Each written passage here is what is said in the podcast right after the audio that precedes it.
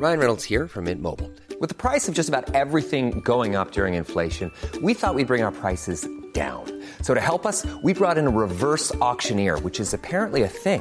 Mint Mobile unlimited premium wireless. Ready to get 30, 30, bit to get 30, bit to get 20, 20, 20, bit to get 20, 20, bit to get 15, 15, 15, 15 just 15 bucks a month. So, Give it a try at mintmobile.com slash switch. $45 upfront for three months plus taxes and fees. Promo for new customers for limited time. Unlimited more than 40 gigabytes per month. Slows. Full terms at mintmobile.com.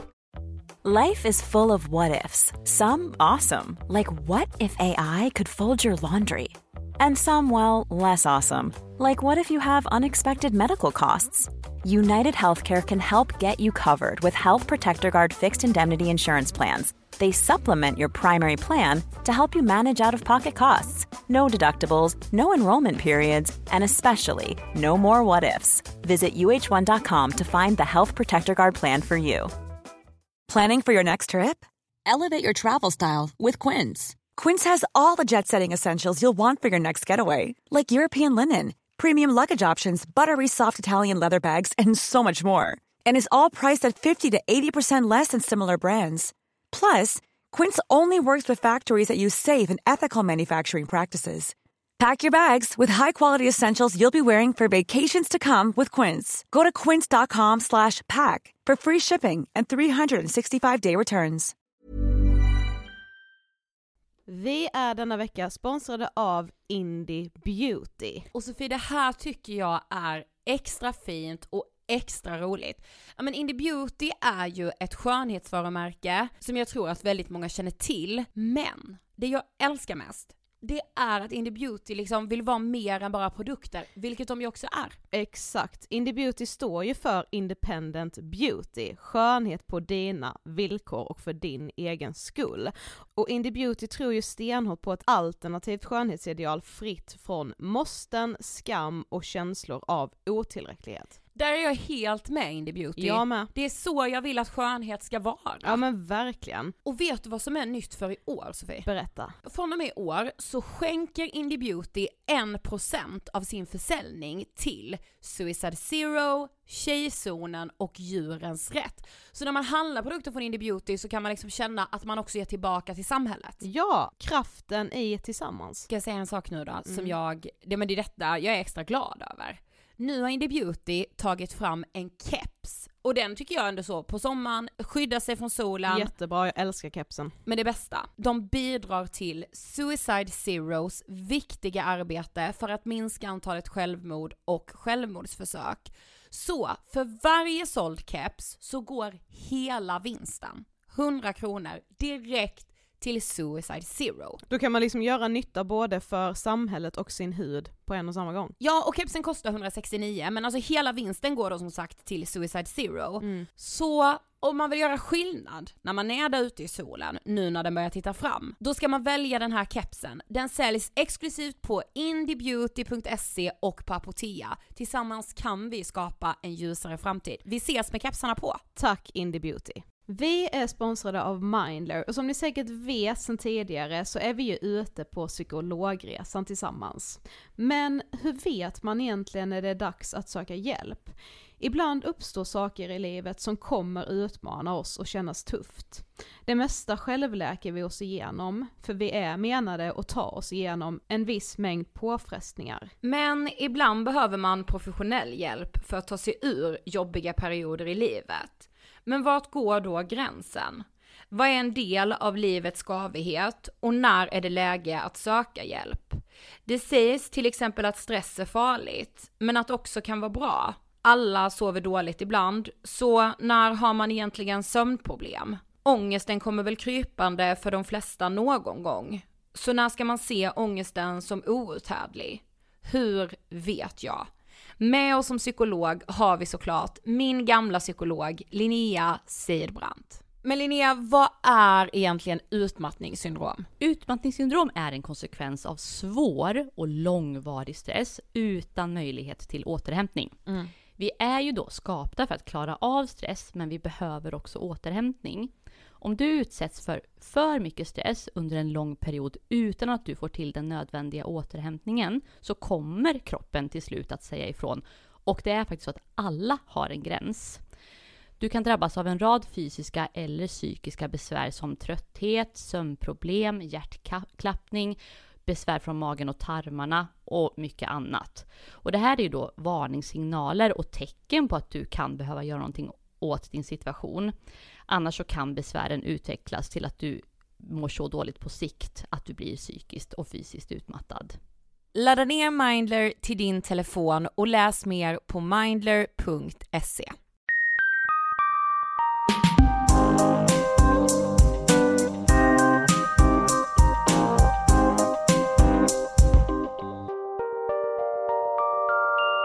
Hej på er! Varmt välkomna ska ni vara till avsnitt 426 av Ångestpodden. Ja, ett extra långt avsnitt blir det idag, vill jag bara säga redan nu. Ja, och när ni lyssnar på det här så har vi varit i riksdagen, men när vi spelar in det här så har vi ännu inte varit det. Nej. det stämmer. Det stämmer, så det är ju två nervvrak som sitter här. Ja. Ja, gud vad skönt att vi har det här avsnittet nu då. Ja, jag vet. För idag har vi ju med oss Erik Granqvist. Ja. Som är aktuell med boken Inkilad om dolda övergrepp i idrottens skugga.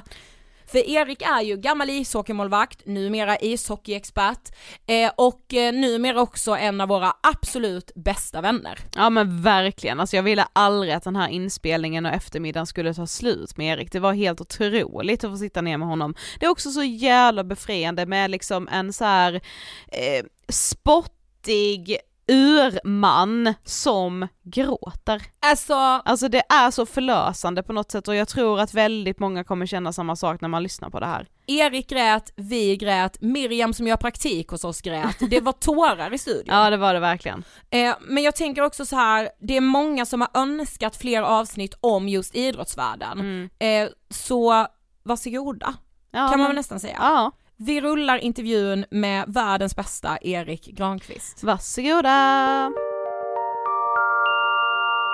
Jag är så glad att vara här och det är en ära för mig att vara här. Ni har en hälsning från 7-Eleven på Vasagatan. Det är Jag är otroligt. där och ska köpa fika precis innan jag kommer hit då med en Uber och, och berätta för killen och tjejen som står att jag ska till Ångestpodden, de underbara tjejerna Ida och Sofie som jag har lyssnat på jättemycket och då vänder sig tjejen om som gör den här varma mackan och lyser upp Ångestpodden! Ah, jag älskar den! Och då visade det sig att hon heter också Ida och hon sa att "Ja, men jag har lyssnat på den så mycket och ger väldigt mycket stöd och det är härligt att höra på olika livsöden. Att man, man känner sig inte lika ensam för vi har ju alla våra saker som vi dealar med och så en kram till Ida eh, från mig och tack för otroliga mackan du gjorde och sen så hälsningar och kramar till er två. Ja, Ja, vi måste också så gå dit. Ida. Vi måste gå dit. ja. Ja. Alltså jag vill ju det nu. Och, och killen där som stod och jobbade, han hade inte lyssnat på Ångestpodden men han blev otroligt nyfiken. Ja, det så kommer han, göra ja, nu. den ska jag också lyssna på. Och så började de prata om det, så det blev ett långt samtal där. Det blev över en kvart där på 7-Eleven, så det var därför jag kom in precis i tid hit till Ja. Ert fina ställe ni hyr här. Ja. Är du, men du Erik, vi är så glada att du är här, så du anar inte. Och jag kan också säga att jag vet att våra lyssnare är det, och detta sa jag ju lite till dig nu innan, att vi får så mycket önskningar. Kan ni prata mer om idrottsrörelsen? Eh, kan ni prata om den världen? Eh, det passar så bra i er podd, men ni har pratat för lite om det. Och så är du liksom här idag och så ska vi prata om hockeyvärlden, idrottsvärlden, machokultur, allt. Och tystnadskultur. Ja, den här rädslan att våga prata om det som är bakom ibland den tuffa fasaden, den hårda ytan. Men jag har levt i den där världen i över 40 år och jag älskar den. Jag jag önskar att alla unga tjejer och killar börjar med den sport jag älskar mest, hockey. Men jag ser samtidigt att vi måste uppdatera, framförallt på ungdomsnivå, hur man hanterar varandra och eh, på olika sätt så att det blir tryggare och säkrare miljöer. Och som, som jag sa, jag är så enormt nyfiken på er och, och skulle vilja fråga er tusen frågor. Nej det får du Ni inte inspirerar idag. mig, men känn er fria och fråga om exakt vad ni vill. Ja då ska du få första frågan, för de som inte vet, vem är du? Ja, vem är jag? Det har varit en fråga som har, jag har gått väldigt djupt i mig själv på ett existentiellt plan, framförallt senaste 25 åren, men eh, jag är, eh, jag skulle säga att jag är en stolt pappa till Jonathan som är 13 år och eh, vi bor i Ängelholm tillsammans med Yvonne, min underbara sambo sedan 19 år tillbaka som faktiskt en stor anledning att, att jag vågar skriva den här boken inkilad tillsammans med Johan Esk när hon sa att om inte du vågar berätta vad som hände för dig för över 30 år sedan, hur ska då en ung tjej eller kille som blir utsatta idag våga? Och det var det som liksom knuffade mig att, att ha modet att våga berätta min historia. Men mång, en del av er lyssnare kanske känner igen mig från eh, Viaplay Hockeysändningar där vi gör NHL, världens bästa liga, analyserar det och sen gör vi junior-VM och, och hockey-VM. Så jag får jobba med min eh, stora hobby hockey och det är jag väldigt tacksam för. Mm. Men du, du har ju liksom lyssnat på Ångestpodden, bara det tycker jag är otroligt. Eh, så du ska ju få Ångestpodden-frågan. Vad Mm. tänker du på när du har ordet ångest?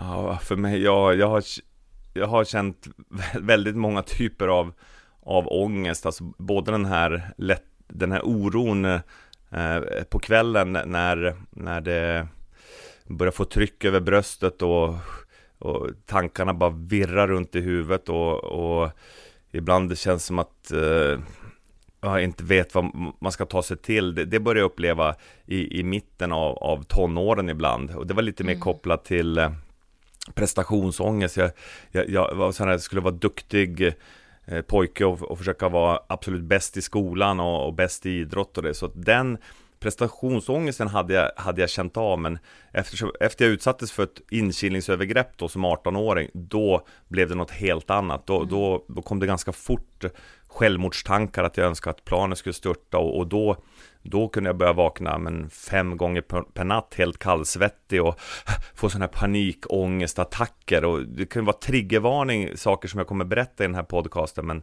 men jag gör det för att dela med mig och förhoppningsvis hjälpa någon att eh, be om hjälp när man börjar dras in i mörker. För det finns ju faktiskt professionell hjälp att få, det, det visste inte jag då när jag var ung men det finns ju det, men, men ångest för mig är ju det är, det är olika grader av, av rädsla där det, det, det, värsta är ju, som jag upplevt av ångest, det är ju panikångestattacker, alltså att vakna och, och tro att man ska dö och, och det är ju, men sen finns det andra grader av ångest som jag fortfarande kan få ibland, att vakna mitt i natten eh, klockan tre, fyra, helt kall, genomsvettig och ytlig andning och, och då behöver jag göra en sån här verklighetscheck, var är jag? Ja. Ja just det, jag är hemma i sängen eller på hotellet, jag är 50 år gammal, jag är i en trygg miljö. Och ta, kanske sätta mig upp eller gå upp och ta ett glas vatten och, och, och ta några sådana, jag har lärt mig många andningsövningar men det som brukar hjälpa mig att andas in genom näsan och räkna till två, andas ut genom munnen och räkna till fyra. Om jag gör det någon minut så brukar nervsystemet lugna ner sig och sen så Oftast kan jag somna och är, om Yvonne är i närheten så kan jag ju som krama om henne, annars brukar jag krama om en kudde. Så den här enorma ensamhetskänslan av Ah. att, att livet, är, livet är på spel, det, det är nå- något som är jättefarligt. Men det här är ju, för mig är det ganska mycket PTSD också, symptom som jag får Exakt. efter övergrepp. Så jag, Andy Svärd, mental coach och Ravi Welch, trauma eh, specialist, de, de har hjälpt mig jättemycket i den här processen. Och tidigare så flydde jag från den här ångesten in i alkohol och flyktiga relationer och så som vi beskriver i boken. Men, men idag försöker jag stanna med den och ah, nästan omfamna den. Och sen så på något sätt så, eh, så brukar den passera. Och ibland behöver jag såklart ringa upp Andy eller prata med Yvonne om det. Ja. Någon gång får jag väcka min sol, jag kallar Yvonne för min sol, väcka och, ah, jag har haft sån mardröm, eller på morgonen bara, hur är det? Ja gud, jag, jag har inte sovit sedan fyra, jag har haft sådana mardrömmar. Framförallt när jag började skriva boken och gå tillbaka och berätta om Mm, ja, händelser just som från tidigare, från 90-talet, när jag var djupt inne i, i missbruk och så. Det har ju också triggat igång ångest. Nu blev det ett jättelångt svar. Ja, nej men jag tycker det är jättebra. men- eh, kallar du Yvonne din sol? Det är det finaste jag har hört. Ja, hon, hon, hon är min sol, hon är, eh, hon är helt, alltså otrolig människa. Hon uppväxt på en bondgård på, i, i Skåne med, med sin storebror och sin mamma och pappa. Och, och att, att vara på en bondgård, alla som har varit det vet jag att ja, men det är upp i ottan och hjälpa till och, Ja. och sen så hjälper man till där och, och lär sig att ta ansvar och det är liv och död väldigt nära en- djuren som ofta man Flera djur som man kanske blir, ja men en kärleksrelation till. En, Ja. en dag ska ju de dö och att det, hela det här kretsloppet av livet, det har hon upplevt ända sedan hon var liten. Så hon, hon är så, du vet, förankrad i trygghet i nuet. Medan jag har varit totalt förvirrad och letat efter mig själv, allt ifrån Indien till Holland och gjort terapi över hela universum höll jag på att säga. Så hon är en sån här trygg klippa som Vore det inte för henne så hade jag aldrig vågat skriva den här boken utan jag har ju socialt runt med ett nätverk av kärlek där, där hon verkligen är min sol och ibland så dras jag in i mörkret men då kommer hon med ett ljus och så tänder hon mitt ljus och sen går vi ut tillsammans. Mm. Men du är ju uppvuxen i Boden. Ja, Ja. Boden, det alla som har varit uppe i Norrbotten, det, det, det var liten stad, typ 35 000 eh, invånare där. På den tiden var det en militärstad, så det var flera Ah. sådana här garnisoner, massor med värnpliktiga kom dit och sen var det ett stort sjukhus också där. Men vi växte upp på ett område som heter Erikslund, Fagernäs, där det var otroligt mycket barnfamiljer eh, från olika sektorer av samhället, så det var en sån här väldigt fin uppväxt på det sättet med Vårt hem var som en fritidsgård. Eh, min pappa Conny var militär så han var mycket borta så det var mamma Anita som, som var som en eh, en sol kan man säga för barnen i kvarteret. Så vi hade pingisbord på övervåningen. Hela, hela vårt hus där Ja. på Rönnvägen 4 var som en fritidsgård. Så det var pojkar och flickor och det var landhockey, pingisturneringar och brottning på gräsmattan och ut i skogen och lekte, eh, lekte olika former av indianer och cowboys och sådär som det hette på den tiden. Men så det var enormt härlig, varm, levande uppväxt på det sättet. Men samtidigt så var det skuggsidor för mig som, som jag inte har pratat om som vi, vi klart eh, kommer att kanske ta upp i den här, men framförallt var det i omklädningsrumsmiljön, hockeyn, hock, eh, sporten hockey som jag älskar mest av allt. Att vara på isen och tävla och kämpa tillsammans, och det var det bästa jag visste, men de här hundra nyanserna av verbalt och fysiskt våld i omklädningsrummet tyckte jag tidigt var ganska otäckt. Jag började... Ja för hur blev det hockey? Hur hamnade du där? Hur hamnade du på isen? Ja. Ja, det, det är... Eh, ni som är så unga kanske inte kommer ihåg Ja en, men så unga är vi inte längre. en, en, en målvakt som var min stora idol, eh, Pelle Lindberg hette han. Det var den tidens Henrik Lundqvist kan man säga. Okej, ja. Han, han hade en karisma som en rockstjärna, han hade en vit mask, blixtrande parader, otrolig pondus i målet så att han stod i Lake Placid i OS 1980 och av någon anledning var vi lediga från skolan dagen efter så jag fick sitta uppe och titta på den med pappa. Och pappa var orienterare och längdåkare och så, han var inte så förtjust i, i hockey. Men han lät mig vara uppe där så att jag satt i soffan eh, och, och tittade och, och pappa satt bredvid. Och så mitt i första perioden så, så tittade jag åt sidan. Vilken bra match pappa! Och han då låg han och sov, då hade, då hade farsan somnat men jag satt som ett ljus, såg hela matchen och där blev jag förälskad i, i Pelle Lindberg och i sporten hockey, det var så häftig. Ah. Allt hände och han var ju magnetisk i målet. Och då bestämde jag, jag vill bli målvakt. Så det sa jag på morgonen efter att jag ska bli målvakt också, jag ska bli som Pelle Lindberg. På tal om förebilder. Ja, och, men då sa pappa, det är bara galningar som står i mål. Han var ju uppväxt med målvakter som stod i, i keps Ja, och, det. och inte hade något ansiktsskydd, så levde det kvar i honom. Men mamma sa då, om han vill bli målvakt, då ska han få bli det. Så att hon gjorde någon permanent där med, nå- med någon kund och så lyckades hon köpa någon begagnad utrustning till med de här gamla bruna benskydden. Och då på, på Björknäs hallen där på uteplanen där i Boden gjorde jag min första träning. Det snöade lite grann minns jag, ungefär som det gör i Stockholm idag. Ja. Så det var så här idylliska förhållanden och direkt jag kom in i målet, det var som alla mina grubblerier i livet försvann. Alltså det var sån här enorm upplevelse om att vara i nuet och det är ganska enkelt. Var i vägen och ta nästa puck. Ja, det är ju exakt. uppdraget. Och det är jag ju än idag så fascinerad av. Oavsett vilken sport det är, vilken enorm närvarokänsla det skapar, både för de som utövare men också publiken. Ja. Och det är det som är dragningskraften. Du får uttrycka i stort sett alla känslor inom de ramar och regler som är ute på isen. Mm. Om, om ilskan eh, eskalerar och du gör något regelbrott, ja men då blir du utvisad eller så Mm. blir du avskickad från, eh, ut från arenan. Mm. Men annars får du ju vara arg, du får, du får verkligen uttrycka mycket av ditt känsloliv, även när du står som fans på läktaren. Och det är ju så attraktivt med sport, och för Mm. mig var det det. Där kände jag en frihet, jag kunde vara mig själv på isen fullt ut och hade också begåvning för att vara i vägen.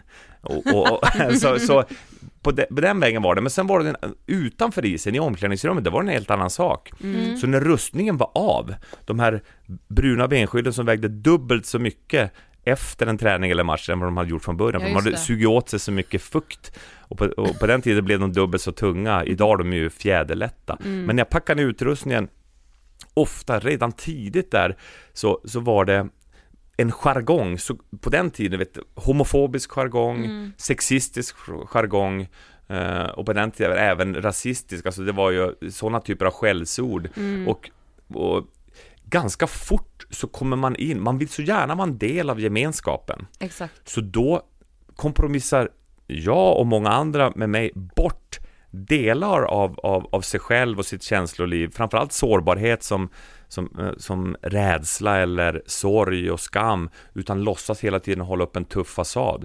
Så, eh, det var väldigt tidigt sådana här saker som eh, man blötte handduken längst fram, det var de, de högst upp i hierarkin, de starkaste killarna började med det när vi var runt 10 och så slår man varann, eller de slog andra på skinkorna med handduk och så kallade pissbomber, man håller för förhuden och, och kissar så det, så det blir som en ballong och sen så boom, eh, Mm. kastar man eh, på varandra och daimningar och försöka trycka upp saker mellan skinkorna på varandra, vilket ju är övergrepp ju. Ja. Men i den lilla kontexten och i sammanhanget så var, jaha, det är väl det här man får tåla för att få vara med här. Mm. Och vad är det då som, som, som egentligen var gemensamt för alla de här historierna, det jag fick börja uppleva där uppe tidigt i Boden, men också alla de här tusentals som hört av sig till mig sen, sen eh, jag berättade om övergreppet som skedde senare. Det är ett dåligt ledarskap, alltså Mm. icke närvarande ledarskap. Så när barn och ungdomar för, förväntas uppfostra varandra, då är risken att penalister får fria tyglar att utsätta andra. Så, så det var den här mixen för mig med rustningen på det absolut bästa jag vet är det fortfarande vid sidan av min familj, hockey, Mm. när rustningen är på, ute på rinkar. Det är tufft, det är hårt, man biter ihop, man kämpar, gör allt för att hjälpa laget. Men utanför, där tycker jag vi behöver uppdatera hur man är mot varandra. Det måste vara tydligare ramar och regler så att det blir tryggt och inkluderande. Alltså oavsett Exakt. vilken sexuell läggning, vilken hudfärg, vilket kön. Mm. Välkommen till vår sport. Här kan du vara dig själv. Och sen har vi väldigt tydlighet från ledar och föräldraskapet. Så här uppför vi oss mot varandra. Och är det någon som bryter mot de reglerna med mobbande beteende eller olika nyanser av våld, ja, då får man inte vara med på isen. Och Nej. så pratar man om det. Ganska självklart för de flesta. Mm. Men tyvärr så kan jag berätta att det är inte så på många håll. Och det är väldigt många som far illa, många som kanske slutar när de är 13-14 för att de har varit utsatta under flera Exakt. års tid. Men jag tänker alltså då som när du växte upp, var aldrig liksom ledarna med i omklädningsrummet eller var det liksom en fredad plats för ungdomar? Eller för er barn liksom? Nej, det var en, det var en eh, plats där ungdomar eller vi förväntas uppfostra varandra. Ja, mm. Och när det inte är vuxen närvaro så- som sätter de här ramarna och reglerna, då är det ju alltid utrymme för penalister då, som kanske av någon anledning, antingen är högt upp i hierarkin på grund av att de är starka, alltså Mm. tidigt fysiskt utvecklade, eller att de är duktiga ute på isen. ja det. Och, och det är därför jag menar, det finns en sån enorm möjlighet för idrotten om, om man skapar de här eh, respektfulla miljöerna. För lär man sig ett sånt beteende inom idrotten, då, då kan man ta med sig det ut i skolan Mm. och ut i livet och, och bli en, en människa som kan bli en förebild utanför den här miljön, hur man uppträder schysst och så. Men när det inte är bra eh, närvarande modigt ledarskap från vuxna, då är som sagt en, en enorm risk att, att människor kommer fara illa och det är därför jag har brutit den här tystnadskulturen att säga att vi kan så mycket bättre. Kom Exakt. igen, vi kan inte låta att det Lotto, att en förälder skickar de käraste de har, en liten pojke eller flicka och hoppas på att det ska vara ett bra ledarskap. Nej, Nej. det ska Utan vara det, så det ska vara tydligt från Ja. Björn Eriksson ända upp i RFs topp. Jag vet inte om ni har Mm. sett Uppdrag granskning nu som gör otroligt bra program på SVT. Titta på dem och reflektera. Det är från andra sporter. Och lyssna vad jag säger nu. Jag älskar hockey. Jag vill att alla tjejer och killar ska testa på den här sporten. Men när de kommer, när rustningen är av när vi är utanför, då ska föräldrar och barn och ledare kunna känna sig trygga och säkra i den miljön för att regelverket är tydligt. Och det är det inte just nu uppifrån RF ner i specialförbunden. Så det är en del av, jag och Johan skriver i den här boken, att det måste bli mycket tydligare. För annars är det bara att man har tur att man har Ja. ett bra ledarskap. Oh, vad skönt, jag klarar mig undan. Men, men så får det inte vara. Nej, du skriver också om ett tillfälle i boken när, eh, alltså inför en match så plockas det fram en dildo för att så här progressera att ni ska ha stake i matchen. Alltså vad tror du liksom det här kommer ifrån? Alltså, Ja men det är de här nyanserna av våld, du vet gränserna förflyttas. Mm. Så det där med handdukar och pissbomber året senare, då är det dimningar, alltså trycka upp kvastskaft i, i rumpan på varann och, och eh, schampoflaskor och sådär. Och då går man hela tiden och, och spänner sig. Det ska, ju inte, det ska ju inte vara en miljö där du går och förhåller dig till en massa bedrövligt våld i ett omklädningsrum utan Nej. där ska du kunna slappna av både i skinkorna och Ja, i. I, i själen ja. Det kan vara en podcast, eh, slappna av i skinkorna och själen. Det heter det. Men, eh, men vad det kommer ifrån är den här eskaleringen och då var det faktiskt en av, en av killarna högst upp i hierarkin som fick idén där, jag tror vi var runt, precis kom in i tonåren, 13 år, för att få upp staken i vårt spel så- så mm, köpte han en sån här termos med en sån här jättedildo som kom upp, så när han skruvade av locket på den så boom, Ah, då- poppar den ut. aha. Och, och då skulle den gå runt och så skulle vi då känna på den för att bli då taggade att, att spela. Så det var ju, jag minns känslan då, små händer nådde ju knappt Ja, runt den där och också den här skämmiga känslan så då höll den och sen skickade den vidare till polan som också du vet med, med rödblommiga kinder satt och, och, och, och skämdes men ingen vågade säga ifrån då. Svaret på din fråga om det där med, med den där termosen och vi hade också en ramsa vi sjöng eh, som var Hejsan grabbar, har ni stake? Jajamensan, upp i taket. Så ska det låta när grabbarna är kåta. BBK. Och det, och det, det skulle vi då också sjunga efter den där dilden hade gått runt. Åh, och jag pratade med min underbara kollega Valentina Lisana som gammal supermålvakt i, i Tre Kronor och även i, ja, men i Djurgården och andra klubbar, eh, Modo där hon har vunnit flera SM-guld. Hon Ja. berättade att hon spelade med killag i sina tonår. Och, och då var det hon som fick dra igång den ramsan. Alltså och, och, så, så när jag hade skrivit den här boken och, och frågade Valentina, är det okej att jag har med det? Ja, självklart. Ja. Men, men nu i efterhand, vi vet inte om vi ska skratta eller gråta. Så Nej. Man är så inne, man, och vi människor vill ju så gärna vara del av en gemenskap. Exakt. Och så gärna ha status i den gemenskapen. Det är och så lätt att dras med. det är så liksom. lätt att dras med Ja. i grupptrycket, men det jag vill inspirera till eh, framförallt är att uppmuntra schyssta beteenden i den Ja, gemenskapen. exakt. Och, och säg stopp till och prata om de här som icke är accepterade Ja. in. Så att slå någon annan i ett omklädningsrum eller daima eller, eller göra sådana saker, det är inte ett accepterat beteende och det ska inte ge status. Nej, det Utan ska det ju ska få konsekvenser. Så Yvonne, vi har ju pratat jättemycket med, med Yvonne, min sambo om det och hon säger att skulle någon kvinna försöka daima någon annan i ett omklädningsrum, du, sk- då skulle ju den som försöker göra det men vad, vad är det för fel på det? Sök, sök hjälp Ja, omedelbart. ja. Man Gör du det en gång till ja. så kommer jag anmäla dig för sexuellt övergrepp. Exakt. Och Jennifer Wegerup, eh, den här skickliga krönikören på Sportbladet skrev någon liknande krönika för jag hade berättat om vad jag hade utsatts för Ja. och, ja, och Mats Olsson och Johan Esk med flera men det som är egentligen poängen har du inte varit inne i den här miljön i den där sådana här förfärliga saker kan förekomma om ledarskapet är dåligt, då blir det nästan chockartat att lyssna på det. Men det är det jag menar, vi måste våga prata om det här förekommer fortfarande Exakt. för barn och ungdomar. Kom igen, det här kan vi inte acceptera. Vi kan stå för något mycket bättre och fostra väldigt schyssta pojkar och flickor att växa upp och bli män med omdöme och karaktär där andras omdöme brister. Att ibland i vissa sammanhang våga säga, vänta, vad sa du? Ja precis. Så här, Ska vi prata med varandra så här? Ja. Det där känns inte okej för mig. Jag, jag tycker Lägg av med det där, att Ja. man, man får omdöme i grupper där andras omdöme brister. Det är ju också en del av att eh, jag delar med mig. Men det tänker jag är intressant, just som du säger att så här, det här är ju ingenting som inte händer nu. Alltså det är bara att titta på vilka som skriver till oss. Det är inte liksom eh, personer som idrottade för 20 år sedan som skriver. Det är de som idrottar nu som ber oss ta upp idrottsvärlden, idrottsrörelsen. Det är så ångestfyllt, det är så mycket som händer där. Mm. Ja det är samma i Uppdrag granskning nu. Exakt, det det är är liksom det som en sker. nutida granskning, inte Men det var en sak du skrev om också som var så intressant att just, för du var ju liksom enormt duktig på hockey, du var en jätteduktig målvakt och du började spela för Luleå och när du väl kom upp i A-laget där så, så upplevde du att liksom jargongen nästan blev ännu värre.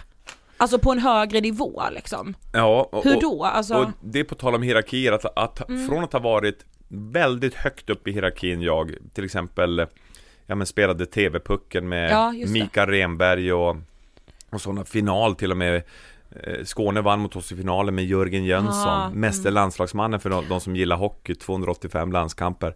Och sen så fick vi spela juniorlandslaget ihop och och, så det var ju på den nivån, alltså enormt högt i hierarkin Exakt. för oss som var födda 1972 Men att gå därifrån och vara 17 år och komma upp i Luleås A-lag och bli längst ner i hierarkin. Nu, oj, här, är, här råder det nästan fria tyglar för penalisterna och att vara längst ner i hierarkin och försöka på alla sätt att inte bli utsatt. Min strategi var Försöka inte säga någonting, vara tyst som en mus, hålla mig så, så mycket som möjligt undan att, att bli utsatt.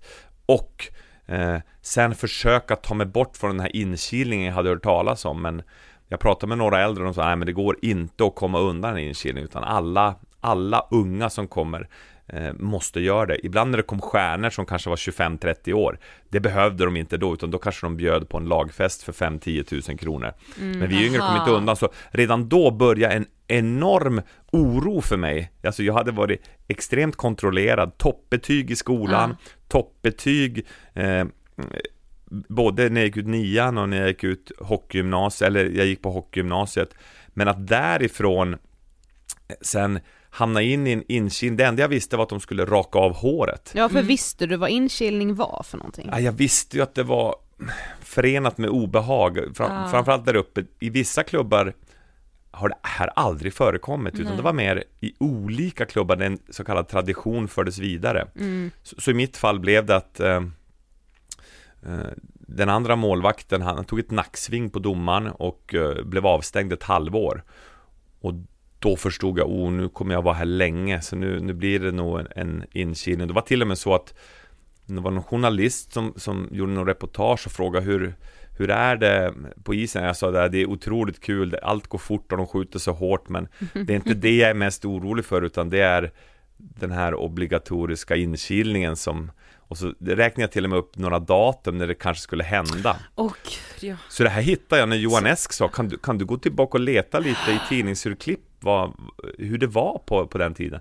Så då blev jag lite, oj, till och med i tidningen sa jag. Men Ja. i tidningen framstod, ah, det är den obligatoriska klippningen som de yngre Ja, spelarna. Ja. Men den klippningen visar ju sig vara, eh, hände ju Globen efter en, en Ja, borta... för berätta om din liksom, om din inkilning. Det är ju triggervarning, mm, behöver jag säga innan jag berättar, men, men det var att eh, efter en bortamatch i Globen, de flesta spelare hade lämnat omklädningsrummet och, och eh, ledarna var ju inte kvar heller. Eh, och, och då var det de som då ofta utförde de här inkilningarna som, som var några år äldre, eh, varierande ålder på dem, men de var ju betydligt äldre än vad jag, vad jag var, för jag hade precis fyllt 18 år. Men då, då kom de in och satte en ögonbindel över mig, alltså en en t-shirt knöt över ögonen och slet av alla kläder. Och sen drog de in mig i duschutrymmet där de hade satt massagebänken. Och sen la de mig på massagebänken och eh, ja, det, det är minst fem personer för det är fyra som håller i mig eh, där jag ligger. Och jag hade bestämt mig innan. Jag, jag ska inte göra något motstånd för de eh, Jag hade hört vad händer om jag gör motstånd? Kan jag ta mig ur det? Nej, det är ingen idé. Det var någon som försökte göra motstånd Då blev bröstvårtorna avrakade så att de så att de eh, börjar bara blöda, så det är bättre att du bara, du, det är bara att det är bättre att du tillåter det mm, hända och inte, så jag, jag hade bestämt mig, jag gör ingen motstånd överhuvudtaget och, och låg bara där eh, och sen så tog de ett skridskosnöre och drog så att jag kände det liksom i ansiktet, de, de drog något eh, Eh, och sen så knöt de det hårt runt eh, roten på på snoppen och sen drog de till där och, och, och, och om jag skulle göra motstånd så skulle de dra i det. Och sen rakade de bort allt hår på hela kroppen och det här var alltså i början på 90-talet så då var det inte modernt att raka kroppen eller könsorganet heller. Så då var det ju ja, såklart väldigt mycket hår så det tog ju ganska lång tid men då rakade jag ända från fötterna, könsorganet och, och ibland högg du i och, och sådär och, och sen så upp bröstet och, och sen hela allt hår på huvudet och eh, så det kanske tog runt 20 minuter eller något men eh, jag hade bestämt mig för att inte göra något motstånd så att eh, när de drog i, i snöret i början, då sa aj, ta det lugnt. Det var, det var det enda jag sa. Sen bara låg jag och, och pff, jag minns också att jag, att jag alltså liksom började grabba tag och höll i britsen sådär. Men sen, jag har ju ingen, det enda jag vet att de ska raka eh, håret på huvudet, det var det enda jag visste, men att ligga där ah. i 20 minuter och inte veta vad som ska hända, för mm. mig var det ju sån enorm kontrollförlust.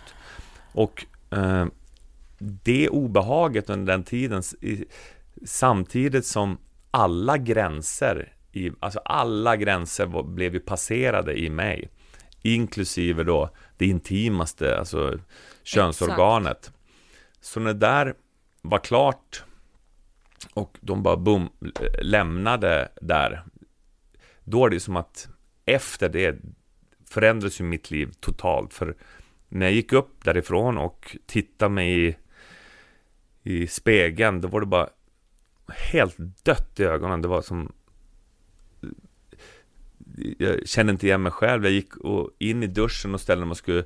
Först tog jag bort håret, alltså försökte städa upp det som Eh, så det var också en sån här del av egentligen hela min personlighet också, min, mitt sätt att försöka hantera bara, eh, försöka städa bort det, vara tyst om det, inte säga det till någon. Och det som gällde då var bit ihop, håll färgen, säg ingenting till någon. Mm. Så därefter så eh, in i duschen och sen så när jag började duscha kände jag inte kroppen. Alltså det var det var ett av mitt livs mest obehagliga upplevelser för det var som att jag inte kände kroppen eh, längre.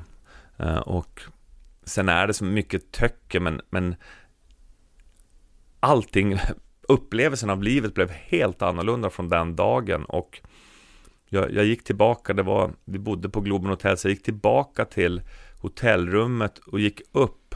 Och när jag kom upp där, jag bodde själv av någon anledning den natten.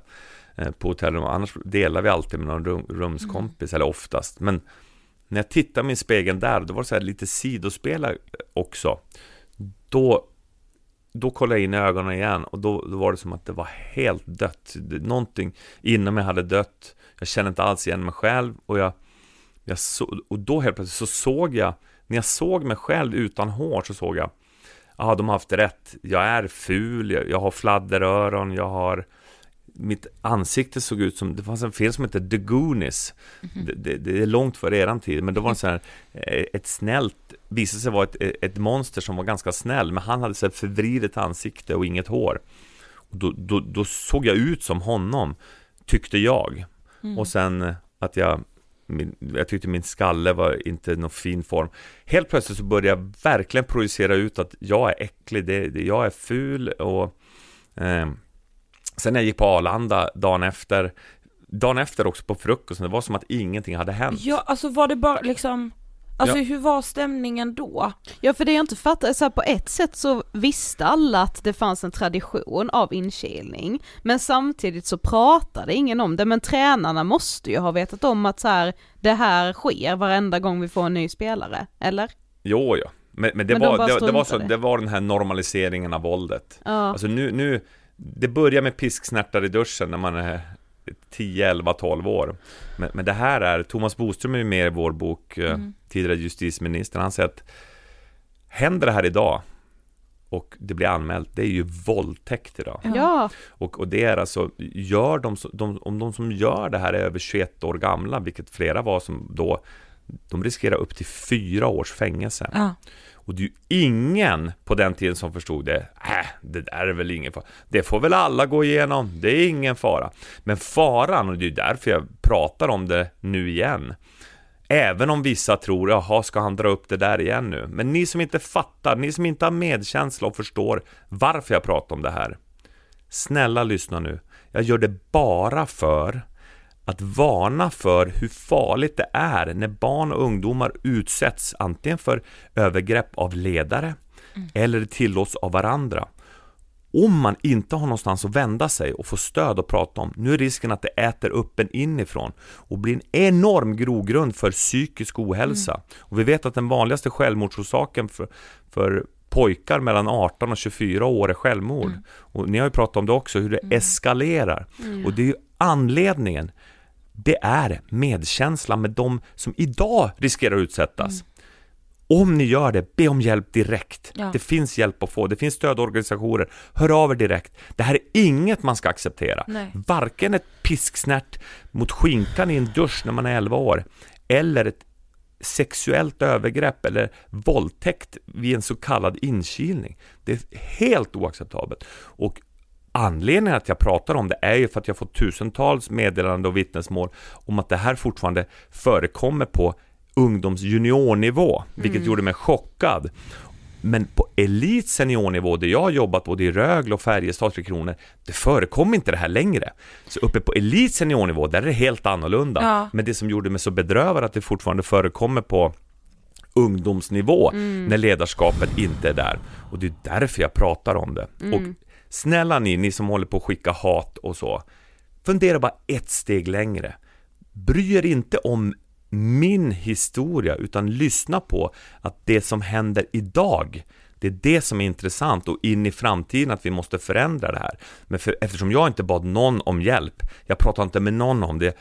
Min mamma var frisör så att jag åkte hem till henne och bad henne hjälpa till att frisera. Hon såg att jag var nedstämd. Hon trodde det var för att jag var ganska mån om min frisyr så att jag var ledsen att frisyren. Men jag sa inte något till någon. Varför sa jag inte något då? Det är för att jag var så rädd att jag skulle eh, förlora min karriär. Allt skulle krascha, så det är också det där tystnadskulturen. Ja. Det här är vår hemlighet.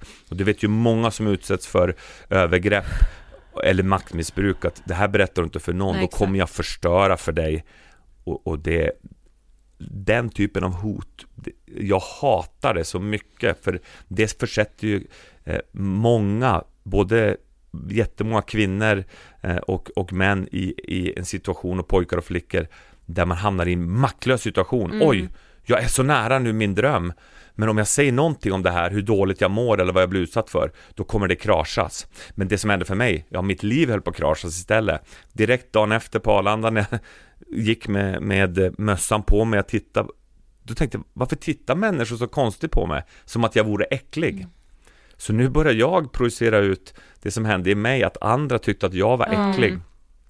På planet, när vi flög, tidigare hade jag varit lite så här, lite så här orolig för flyg, att oj, tänk om det händer någonting, du vet turbulenta. Ja. Nu var det, hade det bytts till, det är lika bra om planen störtar. Och det här gick så enormt fort. Ja. Och det var ganska, väldigt obehagligt att få självmordstankar som aldrig, jag hade aldrig haft det tidigare. Och nu börjar jag också bli rädd för mig själv, vad är det som händer? Med stigmat runt psykisk ohälsa i början på 90-talet, Ja. där skulle man som man skulle man vara tuff, hård, klara sig själv. in- Bita ihop. Bita Inga ihop. tårar liksom. Inga tårar, i- inte berätta för någon. Och nu börjar det äta upp mig inifrån och i, från den stunden, nu var det ju på tal om ångestpodden, nu var det bara försöka hantera ångest så, mycket, så gott jag kunde. Och väldigt fort så började jag upptäcka att oj, alkohol lindrar ju ångesten. Det jag tidigare hade gjort där uppe i Boden, man hade förväntades för att vara cool, vara med och dricka alkohol, då hade jag ofta hällt ut den här ljumma key beeren som man hade gömt i skogen. Så när ingen tittade, då hällde jag ut halva och så låtsas dricka och låtsas nästan spela full för att vara cool i gänget. Mm. Men det övergick till att börja gömma, jag började gömma plunter i väskor och sådär och, och, och, och smygdricka för att det, det lindrade ångesten. Ja, för att en döva, liksom. Att döva för en kort stund. Och, och när jag då drack, då fick jag ah, ett sånt där, ett, en känsla av att ah, fan, jag vågar ju prata med tjejer, jag vågar ju... Ja. Mm. Och då blev det som ett sätt att nästan fly från livet och, och, och jag kunde under två, tre, fyra, upp, ibland upp till åtta timmar inte uppleva ångest. Utan då var det mer flyktiga relationer och Mm. alkohol och så. Men sen dagen efter, när, när det var borta, Ja. då kom ångesten tillbaka och då var det, jag måste träna ännu hårdare. Ingen får vis, jag visar upp en fasad av den här perfekta ytan eh, och tränade hårt och allting, medan den andra, det blev ett dubbelliv, den andra delen bara längre och längre ner i ett mörker med mer och mer ångest och mer och mer flyktbeteende. Så, så det eskalerade under flera års tid. Men var du hela tiden liksom fast beslutsam om att inte berätta om det du hade varit med om? Förstod du ens att det var ett övergrepp? Nej, jag, för, jag det enda jag förstod var att det här var enormt obehagligt. Mm. Det, det här var det värsta jag har varit med om. Men det kan jag ju inte berätta till de andra, för ingen verkar ju ha tyckt att det här var jobbigt. Nej, alla Nej, andra har ju klarat det. av det. Alla andra har klarat av det och, Ja. och det, jag, jag har blivit väldigt hjälpt av min syster Anna, underbara eh, syster som, som jobbar på teatern i, i Falun och var med i Tystnad tagning under metoo. Eh, var en av de skådespelarna som, som var med under det, men Ja. att, att prata med henne och prata med andra kvinnor som har hamnat i situationer där, där man har blivit utsatt på grund av att man eh, maktmissbrukare. Mm. Det lärde jag mig väldigt mycket av. Min brorsa är professor i, i psykologi, Ja. Per Granqvist. Eh, och han är, forskar mycket på anknytningsteori, men, Ah. men han är ju bred kunskap, så att prata med både Anna och Pelle har ju hjälpt mig mycket i processen. Vid sidan av mentala coachen Andy Svärd och Ravi Welch som är duktig. Och Gabor Mate kan jag tipsa. Eh, Jag hörde Fredrik Söderholm prata Ja, om honom mm, också. och, och Gabor den här ungerska läkaren som eh, jobbar nu i Kanada i Vancouver som har skrivit The Myth of Normal Ja, exakt. Lä, lyssna på, på Gabor på Youtube eller läs den boken Myth of Normal för att få mer kunskap om, om det här med trauma och, och att även som i mitt fall tänkte jag, "Usch, nu är det över, det var, det, var en halv, det var 20 minuter, en halvtimme, men nu är det över. Ja, den situationen av det övergreppet är över. Men det som händer i mig, det sår det har skapat i mig, det är ju eftersom jag inte visar det för någon, inte ber om hjälp att ta hand om det här såret, då växte ju det igen och blev ett väldigt hård skorpa på det och dessutom så gömde jag det i källaren, stängde dörren, satte på trippla lås och svalde nyckeln. Det här ska jag aldrig berätta för någon. Problemet är bara jag kunde inte fly från mig själv. Nej. Jag kunde inte fly från den smärtan. Jag kunde inte fly från det otroliga, alltså hela djupaste i mitt nervsystem och, och eh, i mig, den påverkan det hade, även om jag ville ge skenet utåt. Ah, vilken glad, härlig kille, åh, vad han har mycket brudar och, alltså, men inombords så var jag enormt ledsen, rädd och hade, bar på en extrem smärta. Och dessutom då självmordstankar. Så Ja. att, att sen Kyle Beach vågade berätta om, om det han utsatts för i Chicago för ja, hösten 21, som triggade mig så mycket. Den här unga killen som blir utsatt för övergrepp, det tystas ner, det drabbade mig så hårt och i den, till slut då, i den, när jag lyssnade på det andra gången, buff, då triggades hela, alla emotioner egentligen knutna till det jag hade förträngt. Och då är det ju som att så mycket minnen från den perioden var du, du, du, Ja, peppra ja, mig. mm. och, och, och känslor. Så jag låg ju bara och skaka och, och, och grät och, och skrek på hotellrummet där i Globen där jag alltid bor när vi gör Viaplay hockeysändningar så att normalt så när jag kommer in på det är så och, Ja det är samma hotell som du bodde på då när, efter din inkilning? Nej, Nej. Men, men det, är, det är det här eh, Clarionskansstull jag bor på, det är ju som vacker utsikt Ja, över Eriksdalsbadet just och mot, mot Globen så varje gång jag kom in på rummet så har jag sett Globen och känt ett obehag Mm. Ja. så jag har ofta bara dragit för ända tills det här traumat blev triggat och, och, och jag har kunnat bearbeta det så nu när jag kommer in på rummet så bara titta på Globen och bara ah vad vackert. Det var den smärtsammaste upplevelsen i mitt liv men också den kanske viktigaste erfarenheten som gör att när jag har gått tillbaka och baddat det såret och, och, och, och fått uttrycka då alla de känslor som var knutna runt det som tidigare har varit förpackat i skam och jag, jag ska inte berätta det för någon, när jag har fått hjälp av Ravi Welch, Andy Svärd och uttrycka det och sen också se pusslet av alla kompensationer jag haft sen dess för att undvika smärtan. Mm. När jag har gjort det så blir det sån enorm frihetskänsla att jaha, den här 30 kilo stenbumlingen, den är inte kvar i ryggsäcken. Nej, Vad ska jag använda den här erfarenheten och kraften till för att kanske hjälpa någon annan? Så det är egentligen därför vi skriver boken Inkilad, det är därför jag sitter och delar med mig. Kanske någon känner igen sig Life is full of awesome what ifs, and some not so much, like unexpected medical costs. That's why United Healthcare provides Health Protector Guard fixed indemnity insurance plans to supplement your primary plan and help manage out of pocket costs. Learn more at uh1.com. Hey, I'm Ryan Reynolds. At Mint Mobile, we like to do the opposite of what Big Wireless does. They charge you a lot, we charge you a little. So naturally, when they announced they'd be raising their prices due to inflation, we decided to deflate our prices due to not hating you.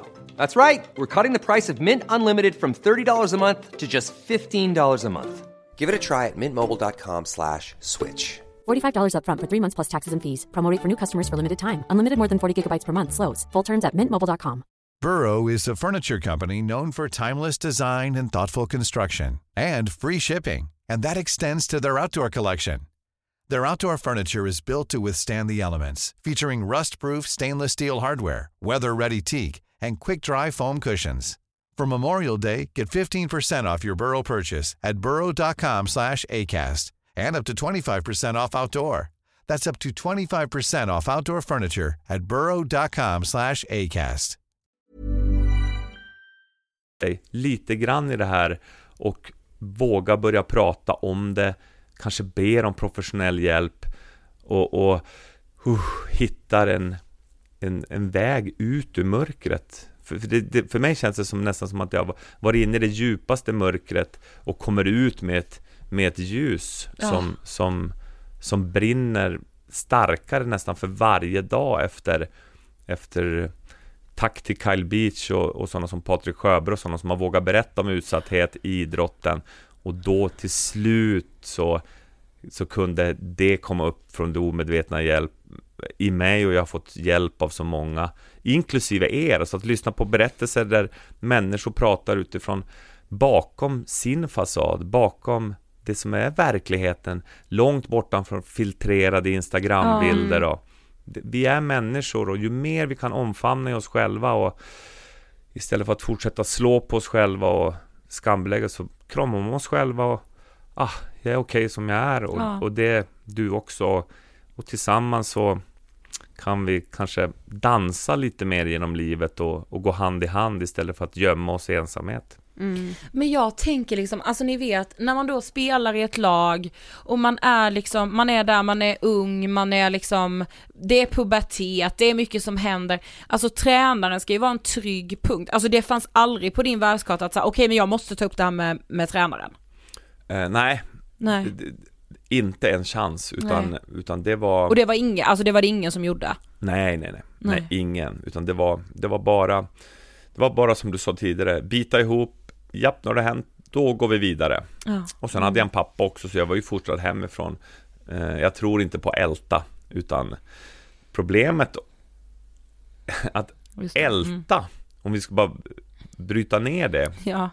älta blir ju ofta att, eh, att istället för att ta tag i en sak ordentligt på en gång och, och be om hjälp eller men prata om det så att det verkligen blir helat och, och utrett i sig själv så sätter man locket på och då blir det ju en tendens att man ältar det om och om och om igen.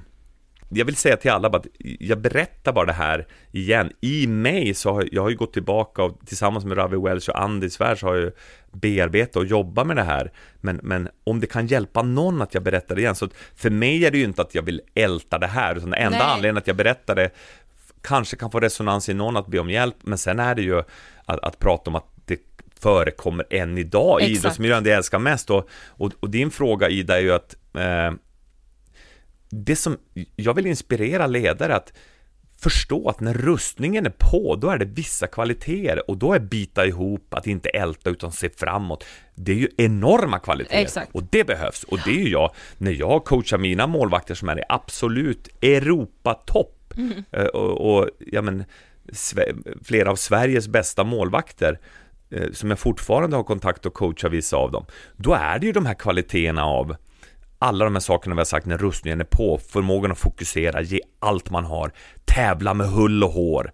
De, de, det är självklart, men sen när rustningen är av, nu är vi människor, nu Ja. har vi hela känslopaletten. Det det. Allt ifrån ilska, glädje, eh, kåthet till skam, sorg, rädsla. Ja. Hela paletten. Och, och jag och många andra, vinklippt. Bara ena. Oh, nu försöker jag, nu försöker jag flyga fram genom livet och, och ah, vifta febrilt för att eh, få någon luft under vingarna och Exakt. kämpar, men kolla vad tuff och bra jag är. Men i samma stund som, jaha, jag är människa, det finns mer i mig. Ah, det finns den här delen av paletten. Oh, nu kan jag flyga på ett annat sätt.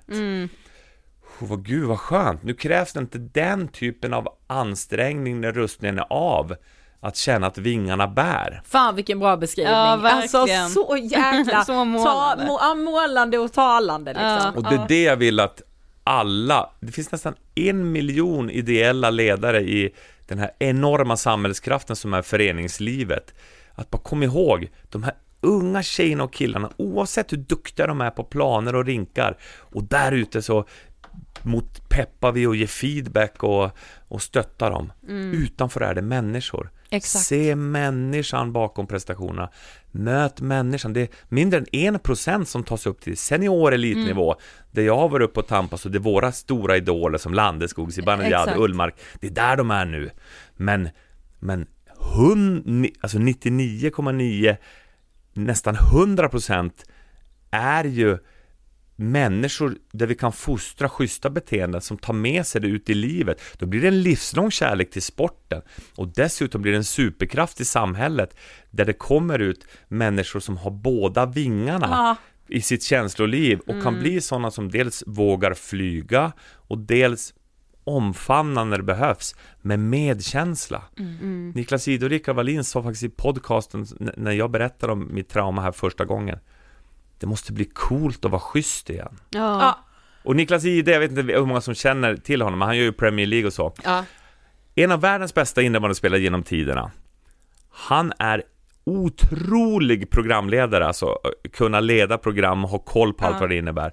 Men han är ännu bättre medmänniska. Så det är just den här kombinationen och det finns så många exempel, de här gamla Niklas Lidström och Peter Forsberg och Mats Sundin. Samma där.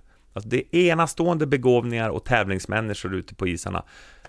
Och utanför så är det så varma, schyssta medmänniskor. Och, och, ta dem som förebilder, men blunda inte för att det fortfarande kan förekomma avigsidor. Och det är därför vi måste våga prata om sådana här saker. Och ni som blir utsatta, be om hjälp direkt. Prata med en vuxen direkt och får ni inte hjälp där, hör av er till Safe Sport Sweden som är en oberoende organisation som kan hjälpa om man blir utsatt i idrotten. Eller hör av er till Bri- BRIS Ja. eller Friends eller Suicide Zero. Ni är ju bra på att nämna de här. Men det finns hjälp att få. Jag, det jag gjorde när jag var 18 år, förutom att, att supa i smyg och och eh, ja, men, eh, ragga upp tjejer för att jag längtade efter lite mänsklig kontakt men jag var så rädd för närhet och, och visa mig själv egentligen. Jag satt och lyssnade på Jack Killian, En röst i natten kunde jag lyssna på för det var lite den här, ah, någon lugn som pratar som jag kände mig inte lika ensam, jag kände stöd. Ungefär som ni i Ångestpodden och hon Ida på 7-Eleven. Ah, jag älskar att lyssna på dem, älskar att lyssna på olika människoöden. För det får resonans i mig och jag känner, jag är inte ensam. Mm. Och det är ju så viktigt. Ja, ja, du berör så mycket när du pratar också Erik. Ja. Men, men nu- du var ju inne på det, men, men när liksom den här stora hockeyspelaren Kyle Beach i, i, Ja, i Chicago Blackhawks. Chicago Mm. Blackhawks var det, ja. När han delar, alltså vad är det som händer? Det är, var befinner du dig? Kan du inte måla upp det för oss? Ja, det som händer, det- det här är hösten 21 och det, det- hade framkommit i hockeymiljön att det var en som hette John Doe Det är sånt där Ah. allmänt pseudonymnamn de använder Aha, i, ah. i, i USA när, när de inte vill avslöja vem det är som har anmält Ja. Utan eh, någon som heter John Doe då som är täcknamn hade anmält eh, eh, Chicago Blackhawks, en, en tidigare co- coach där, Brad Aldri- Aldrich som var videocoach. Eh, och han valde då Kyle Beach att berätta att det är jag som har gjort anmälan. Han gjorde en intervju med TSN tror jag det var, som då kom ut på YouTube. Ja man minns ju Ja, ja. ändå det här, Mm. alltså, för det var också i, det var lite coronatid och det var lite så, man bara oj vad är det här liksom? Ja. Det kändes så nytt på något vis att en så superkänd hockeyspelare Ja. delade Ja men det här. också var det ju att han var så enormt ledsen också, Ja. så då Ja. blev man ju så berörd. Exakt. Alltså, Men- Men det, det, det vi får se av, av Kyle Beach var ju en, en kille som, som hade en enorm begåvning med att bli utsatt för den här våldtäkten av den här personen i maktposition då videocoach som våldtar honom och säger att berättar du det här för någon då kommer jag förstöra din karriär. Jag kommer krossa din dröm, du kommer aldrig få spela i NHL men, men det tog ju honom så fruktansvärt hårt Kyle Beach så han gjorde ju något som jag inte gjorde utan han, han berättade till några i organisationen. Så de fick reda på det och det gick upp till toppen i den organisationen. Men de valde Nej, vi är så nära att vinna Stanley Cup, vi tystar ner det här. De vinner sen Stanley Cup 2010. Brad Aldrich, den där coachen, han fick inte vara kvar i organisationen, men han fick ett rekommendationsbrev. Så han fick gå vidare och förgrep sig två år senare på en 16-årig pojke, Det- en våldtäkt. Och då, eh, de flesta kanske känner till den här historien, men vissa inte. Men, men det som händer då är att den pojken som då blir utsatt, han polisanmäler. Och det blir stor utredning och Brad Aldrich, monstret som jag säger, alltså, det här är ju monster på det sättet. När du har det här, om du upptäcker att du förgriper dig på, på barn och ungdomar, be om hjälp direkt. Jag förstår att du bär på din smärta, jag förstår att det finns saker i dig som gör ont, men gå och be om hjälp och ta hjälp för det. Utsätt inte andra för den smärtan Exakt. som du själv har blivit utsatt för. Men när Kyle Beach får höra om att den här Brad Aldrich har gått vidare och utsatt ytterligare då, ta, då tar han mod till sig och säger För nu drabbas ju han av också väldigt smärta och, och skam och skuld att han kunde ha gjort mer, tycker han själv, för att inte den här förövaren skulle ha dragit vidare och fortsatt. Och det då, eh, då utsätts det, eh, tillsätts en utredning då, extern utredning som är efter som jag vill att vi ska ha här i Sverige också, mm. oberoende organisation som, som kan komma in och, och stötta och hjälpa när sådana här saker händer inom idrotten. Och, och, och, då, och då kommer det fram, och då sitter jag alltså i Ängelholm, det här är alltså hösten, slutet av oktober 2021, ska göra ett, ett covid-test som, som alla, pandemin är ju, vi är inne i en ny tid nu men det var väldigt mycket, jobba på Viaplay, de var noggranna. Ja just det, Så då behövde du ta test varje, ja. Varje gång, så ja. då var jag där och det var en torsdag och, och skulle ta Men jag, jag satte igång den här intervjun för det blev enormt på sociala medier Exakt. Såklart, jag som är kopplad till hockey så blev Mm. det den största nyheten Och då började jag lyssna på det Och den här gången, jag började gråta Direkt han börjar, de här råa känslorna av att ha blivit utsatt själv och det här smärtan att se någon annan också ha blivit utsatt av samma förövare. Det där är ju råa känslor som man jag tidigare bara har sett i terapi när jag har gjort terapi och varit i gruppsammanhang där jag har sett andra eller på anonyma alkoholistmöten när man ser andra bakom fasaden uttrycka sina råa känslor där bakom eh, masken. Och det var det jag såg Kyle Beach och det berörde mig så djupt och, och då började gråta. I bilen eh, gjorde eh, covid-testet lämnade den eh, och sen så skulle jag köra vidare hemåt och det är klitterhus, det är så vackert där nere i Ängelholm, ni som har varit där. Eh, men eh, jag kände bara, oj, det här berör så mycket, jag måste stanna, så jag stannade på en parkering och bara satt och lyssnade på den där 25 minuters klippet och bara satt och grät och bara kände, det här berör mig så enormt djupt, va, va, vad är det som händer i mig? Eh, och och eh, senare samma dag så hör Niklas Ide och Rickard Wallin av sig, vi måste prata om Kyle Beach och den här tystnadskulturen, att de har tystat ner det. Eh, det är jätteviktigt, sa de. Ja, det här är superviktigt, sa jag. Men nu kände jag, fan, kommer jag kunna prata om det? Jag är helt, i mitt inre så var det som kaos i mig. Mm. Då ringer jag till Erik Grönberg. Fantastisk kille som har skrivit boken Inte ensam, aldrig glömd. Mm. Och om att han har blivit utsatt, eller blev utsatt för sexuella övergrepp i sin ungdom. Då ringer jag till Erik och han hjälper mig mycket för att han säger, det är många bra saker han säger. Han säger att tystnadskulturer skyddar förövare och sviker offren. Och då börjar jag pusslet, ja det gör det. Tystnadskulturer är inget farligt så länge det händer schyssta saker mellan människor och man reder ut små grejer. Men direkt det börjar ske kriminella handlingar och grovt våld och sexuella, nu är det ju livsfarligt om det inte kommer ut. Det hade jag inte sett klart. Boom, det såg jag klart. Och sen hade vi eh, på lördag kväll pratade vi om det där. Jonathan Lindqvist, vår eminenta reporter borta i USA, gjorde en 4-5 minuters där han beskrev exakt vad som hade hänt. Och, och då satt jag och våran producent Micke Hellgren sa att kom ihåg att det är lördag kväll. Folk är glada där hemma, de vill ha en trevlig kväll. Och då var det en röst i mig som bara Fuck it. Det här är ingen kväll där det kommer att bli trevligt. Nu, nu kommer jag berätta exakt vad jag tycker om det här. Det får bära eller brista. Så när Niklas Jihde tog emot och han gör det med sån värme och ändå tonläget att det här kommer att bli en trevlig kväll men vi kommer också prata om något allvarligt. Alltså den här enormt tonsäker. Jag sitter, har nästan panikångest. Alltså, när, när han ställer första frågan till mig och sitter Södergren som är trygg, jobbar över 30 år i TV, Djurgårdslegendar, Tre Kronor-legendar.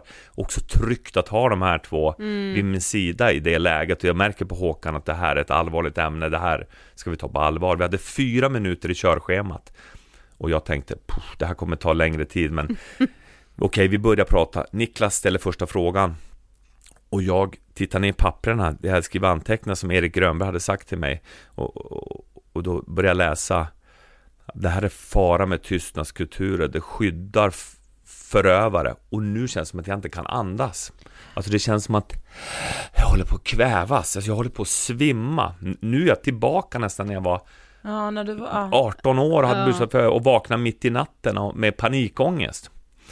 Så då tänkte jag bara, vad är det de säger? Jag måste ta något djupt andetag, du vet, jag har varit i Indien och mediterat och, och gjort så mycket i mitt liv och gjort andningsterapi och allting. Bara ta ett djupt andetag.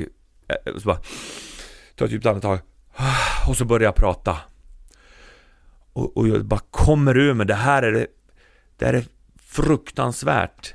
Chicago Blackhawks har eh, de har svikit en lagkamrat och det spelarorganisationen har svikit honom och, och spelarna och kaptenen och ingen stöttade honom när han blev utsatt för övergrepp. De var mer att de bara skulle cyniskt vinna en titel till men de svek en lagkompis som har utsatts för övergrepp.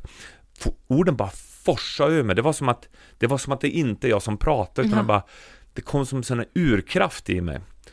Och sen så, eh, vi pratar och Håkan kommer in med jättebra liksom, perspektiv och Niklas också. Jag pratar mer utifrån känslor och jag tänker, vad är det som händer? Jag är ju helt, alltså det är, vi har ju alla upplevt det någon gång när man säger ifrån, alltså man, man har stått längs väggen och man känner bara "Ja, Jag har fått nog, jag måste säga Exakt. ifrån. Är det mot mamma eller pappa eller är det mot någon i ett sammanhang när jag bara, "Aj, jag säger det. Med risk för att bli utesluten ur det här sammanhanget. Jag, jag gör det. Sen när vi pratat klart och går vidare Då går vi på reklam. Och så tittar jag på Gide Vad hände? Hur blev det där?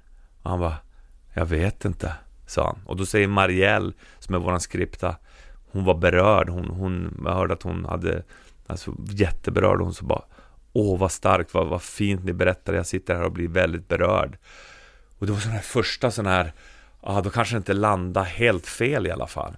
Och efter det, då började det komma När jag kommer hem tillbaka till hotellrummet efter den sändningen och tittar på min telefon då, då har Morgan Alling som har pratat i sådana här frågor, skådespelaren, klippt ihop saker som jag har sagt och lagt ut på sin Instagram och Fan vad mäktig du är Alltså, du har mitt fulla stöd och, och, och då tittar jag på det och, och Petter Barling, eh, kommentator på Discovery, skrev på sin Instagram Det här är i sitt slag de viktigaste 30 sekunder någonsin i sport-tv. Mm. Och då, då hade han också klippt ut något när jag hade pratat om mycket som jag hade fått hjälp av Erik Grönberg och Andy Svärd att prata om. För fortfarande var det ju kaos i mig, jag hade ju inte Ja, lagt något pussel i mig själv. Men då när jag ligger på hotellrummet, Globen är där, jag har dragit för gardinerna. Då tänker jag, vad var det Kyle Beach sa egentligen? Och då slår jag igång klippet. Och nu ah, blir jag rörd, jag pratar håller på det. Tillbaka till exakt alla de här känslorna av att ha varit instängd i mig själv och all, all, all rädsla och smärta och sorg som jag hade gömt i mig själv för att egentligen skydda mig själv och min omgivning för smärtan.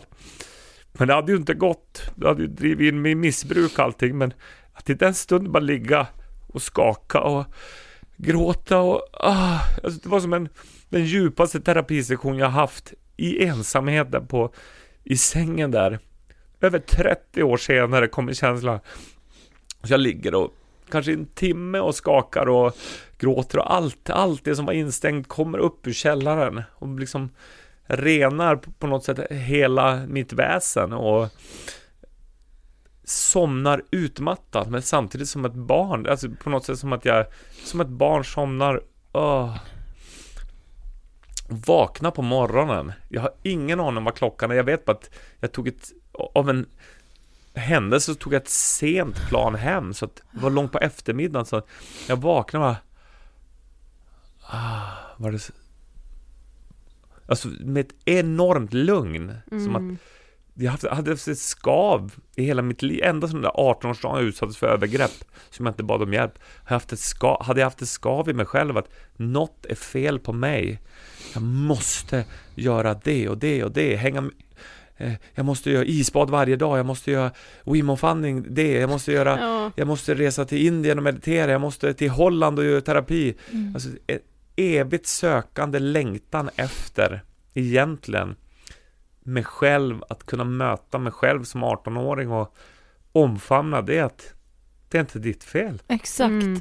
Det, du, jag förstår att du är ledsen, jag förstår att du känner smärta för att du har blivit utsatt för ett övergrepp och i, i det läget när jag kunde tack vare Kyle Beach, tack vare alla som har vågat berätta om utsatthet, kunde omfamna mig själv då blev det som ah, jag är hemma igen. Jag behöver inte till Indien, jag behöver bara vara kvar här med den jag är, även med mitt djupaste mörker och min djupaste smärta så får jag finnas här.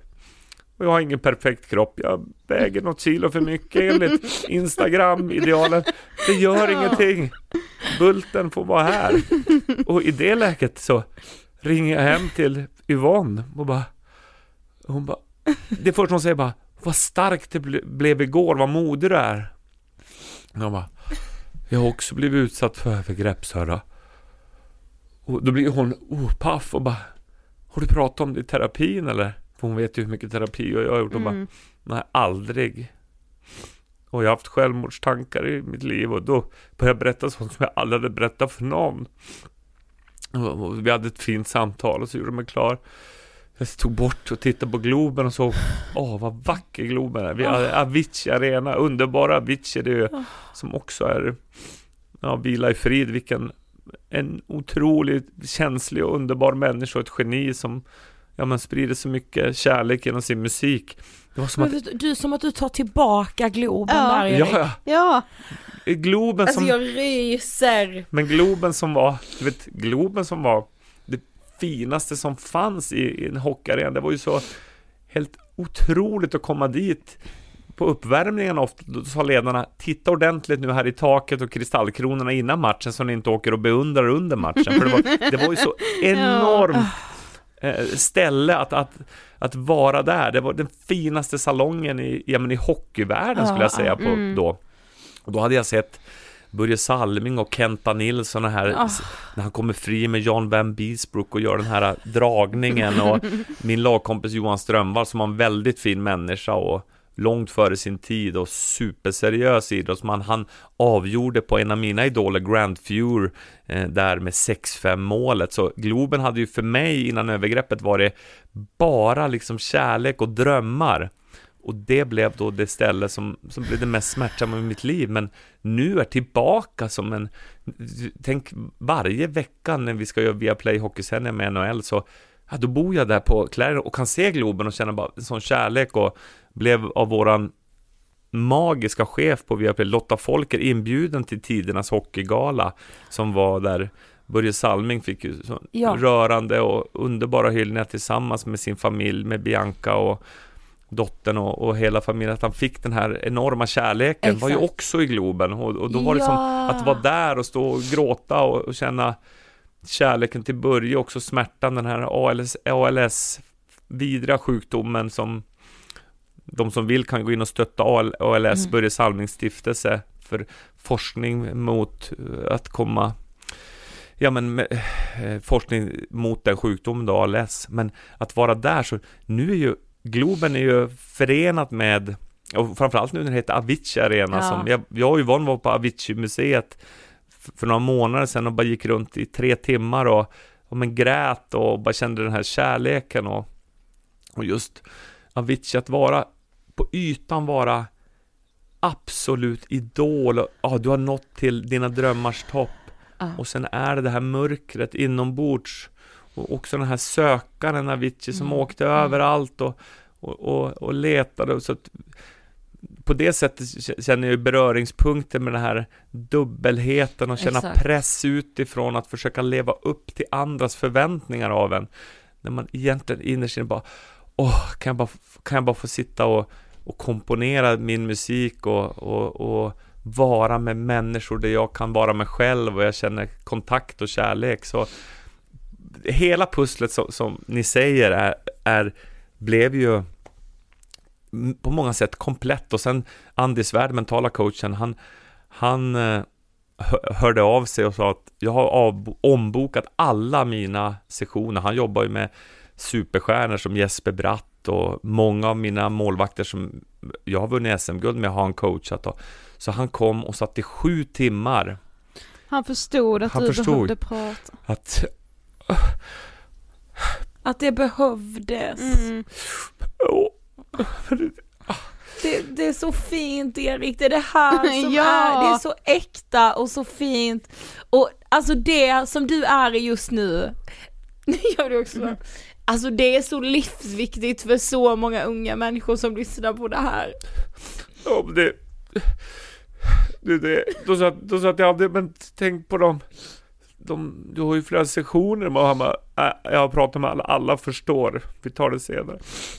Så kom han tidigt på morgonen och körde upp från Malmö klockan åtta på morgonen. Så så han precis krama om Yvonne och Jonathan för de skulle iväg på skolan och, och jobb. Och sen satt han med mig. Och då gick vi tillbaka till den gläntan som man säger. Då 18-åringen som blir utsatt för någonting som han kallar det för det förändrade tillståndet, DFT. Att nervsystemet sätts i sån otrolig överlevnad. Mm. Och sen så från den dagen så har jag varit så lättriggad. Alltså, vet, hela, Exakt. hela tiden försökt överprestera och plisa och behaga andra för att inte behöva känna den här smärtan Mm. igen. Man är ju aldrig avslappnad liksom. Aldrig Nej. avslappnad. Och, och, och ja, och så, så mitt sätt att, att få en liten fejkad avslappning var ju, som jag sa, alkohol Mm. och flyktiga relationer på den tiden. Det har det inte varit eh, på senare tid. Men, men det pusslet som Ande och jag la då är ju att, att börja förstå att det är, en hälsos, det är en hälsosam reaktion i en osund situation. Mm. Alltså min kropp gör ju i det läget, vilket alla som blir utsatta för övergrepp eller gör ju allt för överlevnad. Mm. Exakt. Det blir ett, ett självförsvar. Det blir ett självförsvar Ja. och Andy fick ju mig att förstå det och sen så bearbeta det i den gläntan så att säga för 32 år sedan. I, i en, han, han pratar mycket om för, för 200 000 år sedan, då hade, det varit, då hade du varit i en glänta ute på jakt och du hade stött på någonting som var Ja verklig, exakt. verklig skräck Ja. för din överlevnad och i det läget antingen kommer du fightas eller så kommer du försöka fly därifrån eller så kommer du frysa helt. Mm. Och det som hände för mig var att jag frös helt, alltså det här frozen dorsala eh, nervsystemet och eh, började förstå att ah, det är därför när jag i hockeysammanhang, jag har haft så svårt att förstå ironi, alltså ä- än idag, du vet, jag har ju underbara Niklas Jihde och Håkan Sörgren, de är ju så, de är ju så hjärtliga och vill ju väl, men du vet, ibland när de är så här lite ironiska och, eh, och, och, och, och ja men ger lite så här pikar till mig, min första reaktion här, oj, han tycker inte om mig, han, han försöker skada mig. Men nu kan jag se humorn i det och jag pratat med dem, fan, nu förstår jag varför jag har varit, om man säger överkänslig och överreagerat. Jag har inte kunnat skilja på vad som är en, en kärvänlig gliring eller vad som är verkligen de som försöker alltså förstöra för mitt liv och underminera och Det är så intressant hur man liksom, alltså För kroppen känner ingen skillnad. övertolkar och liksom, ja. Men, men allt för att skydda mig från smärtan Exakt. när jag verkligen i den stunden tolkar, mitt liv var ju inte, jag riskerar ju inte att dö där på den där britsen. Nej, nej, men, men- mitt nervsystem och, och min tolkning av det i mig själv, vad den situationen var, Mm. mitt liv är i fara. Nu återstår bara överlevnad dygnet runt, Mm. resten av ditt liv. Lycka till! Exakt. Men, men, men såklart med hjälp av Andy och Ravi och även Gabor Matea, Mm. förstå mer om sådana saker så Ja, det är nu kommer det ske ett läkande livet ut och jag kommer såklart bli triggad och eftersom jag exponerar mig i sådana här frågor mot mobbning och mot olika nyanser av våld i omklädningsrum. Jag kommer bli en produktionstavla både för enormt mycket kärlek som av er och, och tack till alla som hör av sig om boken och, och blir berörd och känner resonans och känner sig inspirerad. Det gör, och sen blir jag produktionstavla för de som kanske har enorm stjärt smärta i sig själva men inte vill ta tag i den och, och bara vill att var tyst, nämn inget om det här för du påminner mig om min smärta, du påminner mig om de gånger jag själv har varit förövare och jag vill Exakt. inte erkänna det, eller de gånger jag själv har varit utsatt. Tillbaka till väggen, var tyst igen. Problemet är bara som till det, det Paolo sa till mig i Efter fem, du måste fortsätta prata om det här. Ja. Och jag är faktiskt gammal punktrummis i Ebba Blitz. Och nu har jag en The Clash-tröja. Ja. Så den här Clash-tröjan fick jag av Ulf Stenberg som pratar in i Inkila på Storytel. Aha. Och han gör det, alltså han är helt underbar människa. Jag har lärt känna honom eh, nu sen, han eh, tackade ja. Det var Johan Esk och jag som ville att han skulle prata in den. Och han förstår det här med machokultur. Han förstår det. Han har levt i de kretsarna och, och, och förstår vikten av att även vi män måste prata utifrån sårbarhet. Ja, Att, att ja, vi är tuffa, starka, vi kan bita ihop och kliva fram när det behövs, men också vi är sårbara, rädda, vi känner också skam. Vi behöver också ibland en kram och, och ligga i knät och, och bli omfamnade och, och läka gamla sår. Vi behöver båda, precis som som ni Precis som kvinnor, vi. som, alla vi Ja, människor ja. behöver. Och, oavsett ålder eller kön. Och vi har alla saker som vi blir triggade av och många när vi ska prestera hamnar i det här DFT, det förändrade tillståndet, börjar andas ytligt, exakt. mycket blod till magen, händerna, 10 grader sänkt temperatur i händerna, Ja, iskalla fingertoppar. iskalla fingrar, iskalla fötter för att vi är redo att springa ifrån Att ett dra. dra ifrån ett, ett hot för 200 000 år sedan. Ja. Problemet är att när vi håller på med en sport som kanske kräver finmotorik, Mm. nu, får, nu får vi inte ut det vi har tränat på. Men, men, så det är ju underbart att kunna hjälpa människor med det, men vad som är ännu mer magiskt är att kunna möta människor och se dem och förstå att vi har alla våra saker som, som behöver bli omfamnade och behöver bli, skapa medvetenhet runt. Hur vi är som människor för att lite mer, lite mer kunna slappna av där vi är och känna ah, jag, jag är kanske inte perfekt utifrån ett ideal hur man ska vara men som jag är, jag får faktiskt finnas till och andas och njuta av mitt liv och oavsett vem ni är som, där ute som lyssnar just nu inklusive oss här inne vi är ju egentligen mirakel, att vi bara, att vi bara är här. Och vad än våra hjärtan drömmer om att göra och, och vad, hur vi vill uttrycka oss, så länge vi inte skadar andra och, och gör kriminella handlingar för, så, så hitta sitt eget sätt att uttrycka sig på, och även de som gör kriminella handlingar. Det är också en längtan efter status, det är en Mm. längtan efter gemenskap, Exakt. det är en längtan efter där under den tuffa ytan att bli älskade. Och i samma stund man börjar omfamna det i sig själv och se det, då kanske man kan ibland göra ett annat val istället för att slå, stanna upp och krama istället eller säga uttrycka sig utifrån sårbarhet, uttrycka Exakt. sig utifrån sina egna behov istället för att försöka förgöra dem där utanför sig själv. Så ja, vi skulle kunna prata länge om det. Ja, så du får komma tillbaka. Ja alltså Erik Men- lova, kan du bara lova oss det, att du kommer komma tillbaka till Ångestpodden? Alltså det, det jag kan säga är att jag kan, jag kan lova att komma tillbaka precis när ni vill. Men, men risken att många lyssnare, oj vad han pratar mycket och det blir för Nej, mycket. jag tror det, det, inte blir det. för, det blir för mycket snack. Men det, när ni vill kommer jag tillbaka. Men du ska få sista frågan. Vad inspirerar dig?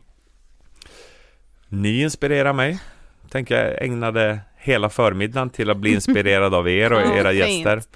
Eh, och det som, jag har ju pratat om många människor som, som inspirerar, såklart i min närhet, Yvonne och min sol och, och Jonathan, våran son, som i början av tonåren, att, att ha barn är ju att möta sig själv i alla åldrar, ända från att de kommer ut som otroliga mirakel och total närvaro, ingen skam runt några känslor. Nej. Ingen skam runt några behov.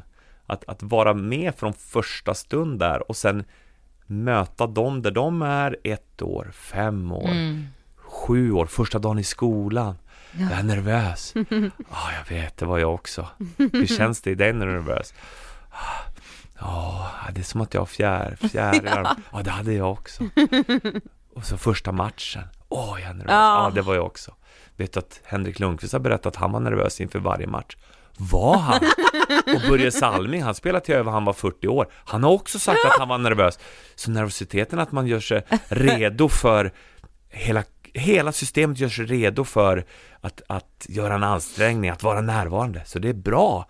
Okej, det blir ett helt annat förhållningssätt. Ja. Och så mö, möta dem där de är, det är otrolig inspiration.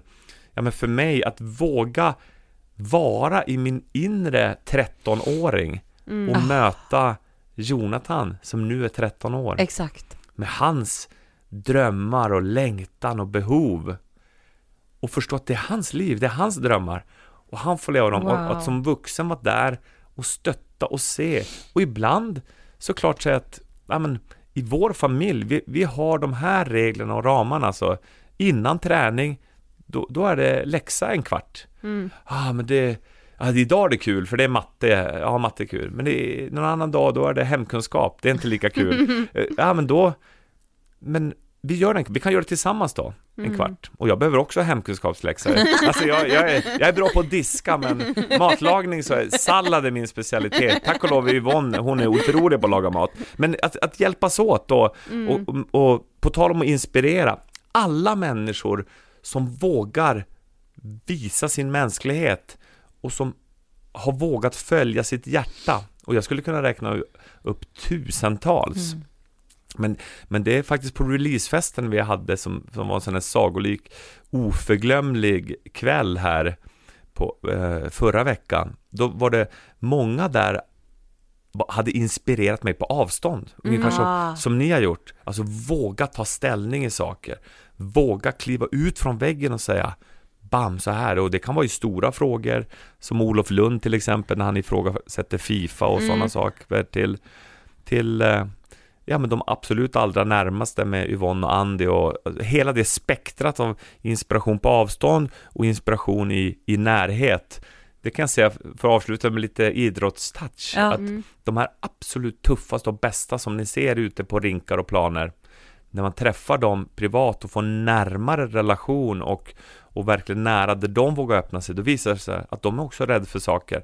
De har också saker i sitt liv som gör dem väldigt ledsna och, och, och de gråter och så att det vi ser där på ytan, vi kan vara imponerade och, och de som är på absolut elitnivå, de är otroligt disciplinerade och imponerande. Precis. Och samtidigt har de sina utmaningar utanför så Det har vi alla. Väldigt lång eh, svar på, på din fråga om inspiration, men alla som vågar följa sitt hjärta och, och visa visa vem de är bakom fasaderna är för mig extremt inspirerande. Och till och med han Uber-chauffören som Kort möte, fem minuter här. Han körde till fel adress så att jag, jag fick springa men Aha. det kan bero på att vi, vi pratade för att han Han kom från ett annat land och hade bott i Sverige i fem år och, och var tacksam för att vara här och vi pratade om Kan du leva på bara Uber? Nej, jag måste ha ett annat jobb också för det, det räcker inte och han pratade lite om hans liv och då berättade jag att vi skulle hit. Ah, vad spännande och intressant. Så även de här korta mötena. Jag vet. Mm. Och, och det var ett fem minuters möte som blev kanske sex, sju, åtta minuter för att det blev lite svårt att hitta hit till, till det här mysiga stället när ni pratar in i. Men det är ju runt oss överallt. Mm. Exakt. Och vissa människor kommer projicera ut sin smärta på oss. Och ibland måste vi faktiskt säga, vänta, stopp. Det räcker nu. Det lärde mig faktiskt i terapin att Erik, om du inte vill behöver du inte vara andras soptunna. Nej, Och, och jag bara, va? Nej, du behöver inte vara andras. Du kan alltid säga, det är inte för givet att du ska vara tillgänglig till alla att komma och bara vräka ur sig eh, hur, vilken idiot du är och du förstör och bara, utan du kan säga, vänta, stopp. Mm. Varför ska jag ta din skit? Du kan eh, be, sök hjälp. Det är Ja, uppenbart exakt. att du mår inte bra, du har mycket smärta i dig. Sök hjälp, men jag är inte din soptunna. Mm. Och, och det var också en del av att, jag menar, vissa som hör på mig känner, ah, vad, han, vad, vad fint att han kan prata utifrån sårbarhet och så, men en annan del är ju den här högra vingen som jag pratar om, att använda ibland ja, men styrkan och aggressiviteten, för aggressivitet är viktig utifrån att sätta gränser och, och det är ju väldigt viktigt att förstå också i intima situationer det här med samtycke. Exakt. Samtycke eh, när det är sexuellt, att vänta, man kan säga stopp när som helst. Ja. Mm. Bara stopp, det här känns inget bra. Och då är det stopp. Och det är samma män emellan, samtycke i omklädningsrum Mm. när det kommer till våld. Nu kommer jag in på det här, det här blir som en ny podd. Ja. Men, men, men, men grejen att säga, vänta, det här med att slå med handdukar eller dajma varandra, stopp. Ja, det är inte kul. Det är inte kul. Jag Jag, har inte signat upp för att hålla på med den här idrotten. För det jag vill göra och leva min dröm ute på rinkarna för att bli dajmad eller Nej, slagen. Precis. Så det är bara att säga stopp. Mm. Och om du, inte någon lyssnar på ditt stopp, nej men då tar det vidare. Mm. Prata direkt. med en ledare och prata. Så vi behöver verkligen också den delen att, att säga stopp. Och det vill jag säga att alla ni som blir utsatta och, och jag vet själv, jag hade inte resurser att säga stopp när jag blev utsatt för övergrepp, men jag önskar att någon äldre hade haft det omdömet och karaktären att säga, vänta, stopp. Nu räcker det med det här. Och jag, jag kan avsluta bara med en, en solskenshistoria. Att vi fick en tränare där uppe i Luleå, några år efter jag hade blivit inkilad, som kom och sa att det här med ö, inkilningar och sån skit, det ska vi upphöra här. Så, så det fortsatte inte. Nej. Drygt ett år senare vann vi det enda guldet som Luleå har vunnit på herrnivå, SM-guld. Damerna är ju otroliga, de har vunnit mm, flera SM-guld, men alltså det här är eh, 96, det här är, ja det är nästan 30 år Ja. sedan snart. Men han kommer in, visar ledarskap och säger stopp med det här. Och det som hände då, sammanhållningen vi fick utanför blev mycket Ja. bättre. Såklart. Ja. Mycket djupare, för nu var det Nu var det eh, pojkar och män som respekterade varandra på ett annat sätt, utsatte inte varandra för jävla idiotiska övergrepp för att vidmakthålla någon tradition som bara var skit. Nu kunde vi rikta energin på att verkligen stötta varandra och sen gå ut och göra mirakel tillsammans. Och det blev som sagt ett SM-guld i, i Luleå där 96 när vi slog Frölunda i, i en otrolig klassisk finalserie. Och det kan ju bli avslutningen på det här, att ibland, ibland, ibland behöver man sätta gränser både för sig själv och ibland behöver man hjälpa andra att sätta gränser. Och det är ett sätt som gör att vi kan fortsätta våga vara sårbara och flyga med bägge ving- vingarna. Ja. Alltså Erik, att du kom hit är typ det bästa som har hänt på podd. Ja, alltså tack. jag är så glad för det. Tack för att du ville gästa Ångestpodden. Ja, ska vi sluta? Du ska med tåget, jag vill prata vidare. Ja, jag vet. Ja, vi får prata jag, off får, jag får så här att, att jag, får, jag får så här att jag Jag är så tacksam att, att ni finns och ni betyder så otroligt mycket för många människor Allt ifrån Ida på 7-Eleven till mig till jag menar, alla de här hundratusentals följare ni har Och jag önskar att ni hade funnits när jag var 14, 15, 16 och började gå från att vara pojke till man, att gå till vuxenvärlden. Så, så det stöd och det kärlek ni sprider ut över världen genom Ångestpodden, det, det går ju inte att egentligen i ord förklara hur viktigt det är. För att Mm, varje människa som väljer hittar en väg ut från mörkret till ljuset gör det ju värt det så. Mm. Jag längtar tills vi ses igen. Ja, jag, Jag med. med! Tack! Tack! Någonstans ibland Sofie, så Mm. tänker jag att det här inte pågår just nu. Ja. Men så, vi, alltså dels att vi har fått så mycket meddelanden, men Mm. framförallt det Erik berättar som han har fått till sig Mm. i liksom ungdomsrörelserna i vårt älskade föreningssverige. Ja. Det är, så, det är så jävla absurt, alltså när jag berättade om det här för eh, min familj så var de så här, "Ah, ja men aha, var det länge sedan då? Mm. Jag bara, ja ja alltså Eriks händelse är ju ganska länge sedan men det här pågår än idag och alla vet typ om det. Exakt. Det är liksom så här sjuka traditioner som bara ska leva vidare Ja. för att det är just traditioner typ, men de är ju, ja det är fan gräsligt många gånger. Ja men liksom hur, hur så här, alltså hela idrottssverige bara ser mellan fingrarna Mm. på den enorma machokultur, Mm. men också så det som sker i omklädningsrummen som ju är sexuella övergrepp. Precis. Ja, tack så jättemycket Erik för att du vill gästa Ångestpodden, för att du skrivit den här boken. Inkilad finns ju att köpa överallt där man köper böcker. Eh, ja, du är så varmt välkommen tillbaka. Vi hann ju typ halvvägs känns Ja. det som. Ja men eh, jag är så så så glad för det här avsnittet. Ja, Vi hörs som vanligt nästa vecka, Yes. då får ni en matig uppdatering från Sveriges riksdag. ja det hoppas jag. Hej då! Hejdå!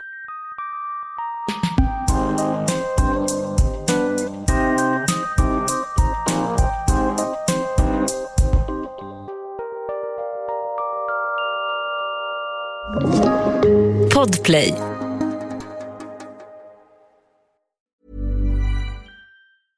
Hey, it's Paige DeSorbo from Giggly Squad. High quality fashion without the price tag. Say hello to Quince. I'm snagging high-end essentials like cozy cashmere sweaters, sleek leather jackets, fine jewelry, and so much more. With Quince being 50 to 80% less than similar brands. And they partner with factories that prioritize safe, ethical, and responsible manufacturing. I love that. Luxury quality within reach. Go to quince.com slash style to get free shipping and 365 day returns on your next order. Quince.com slash style. Mom deserves the best, and there's no better place to shop for Mother's Day than Whole Foods Market. They're your destination for unbeatable savings, from premium gifts to show-stopping flowers and irresistible desserts. Start by saving 33% with Prime on all body care and candles. Then get a 15-stem bunch of tulips for just $9.99 each with Prime. Round out Mom's menu with festive rosé, irresistible berry chantilly cake, and more special treats. Come celebrate Mother's Day at Whole Foods Market. Imagine the softest sheets you've ever felt. Now imagine them getting even softer over time. That's what you'll feel with Bowl and Branch's organic cotton sheets. In a recent customer survey, 96% replied that Bowl and Branch sheets get softer with every wash. Start getting your best night's sleep in these sheets that get softer and softer for years to come. Try their sheets with a 30-night guarantee. Plus, get 15% off your first order at bowlandbranch.com. Code BUTTERY. Exclusions apply. See site for details.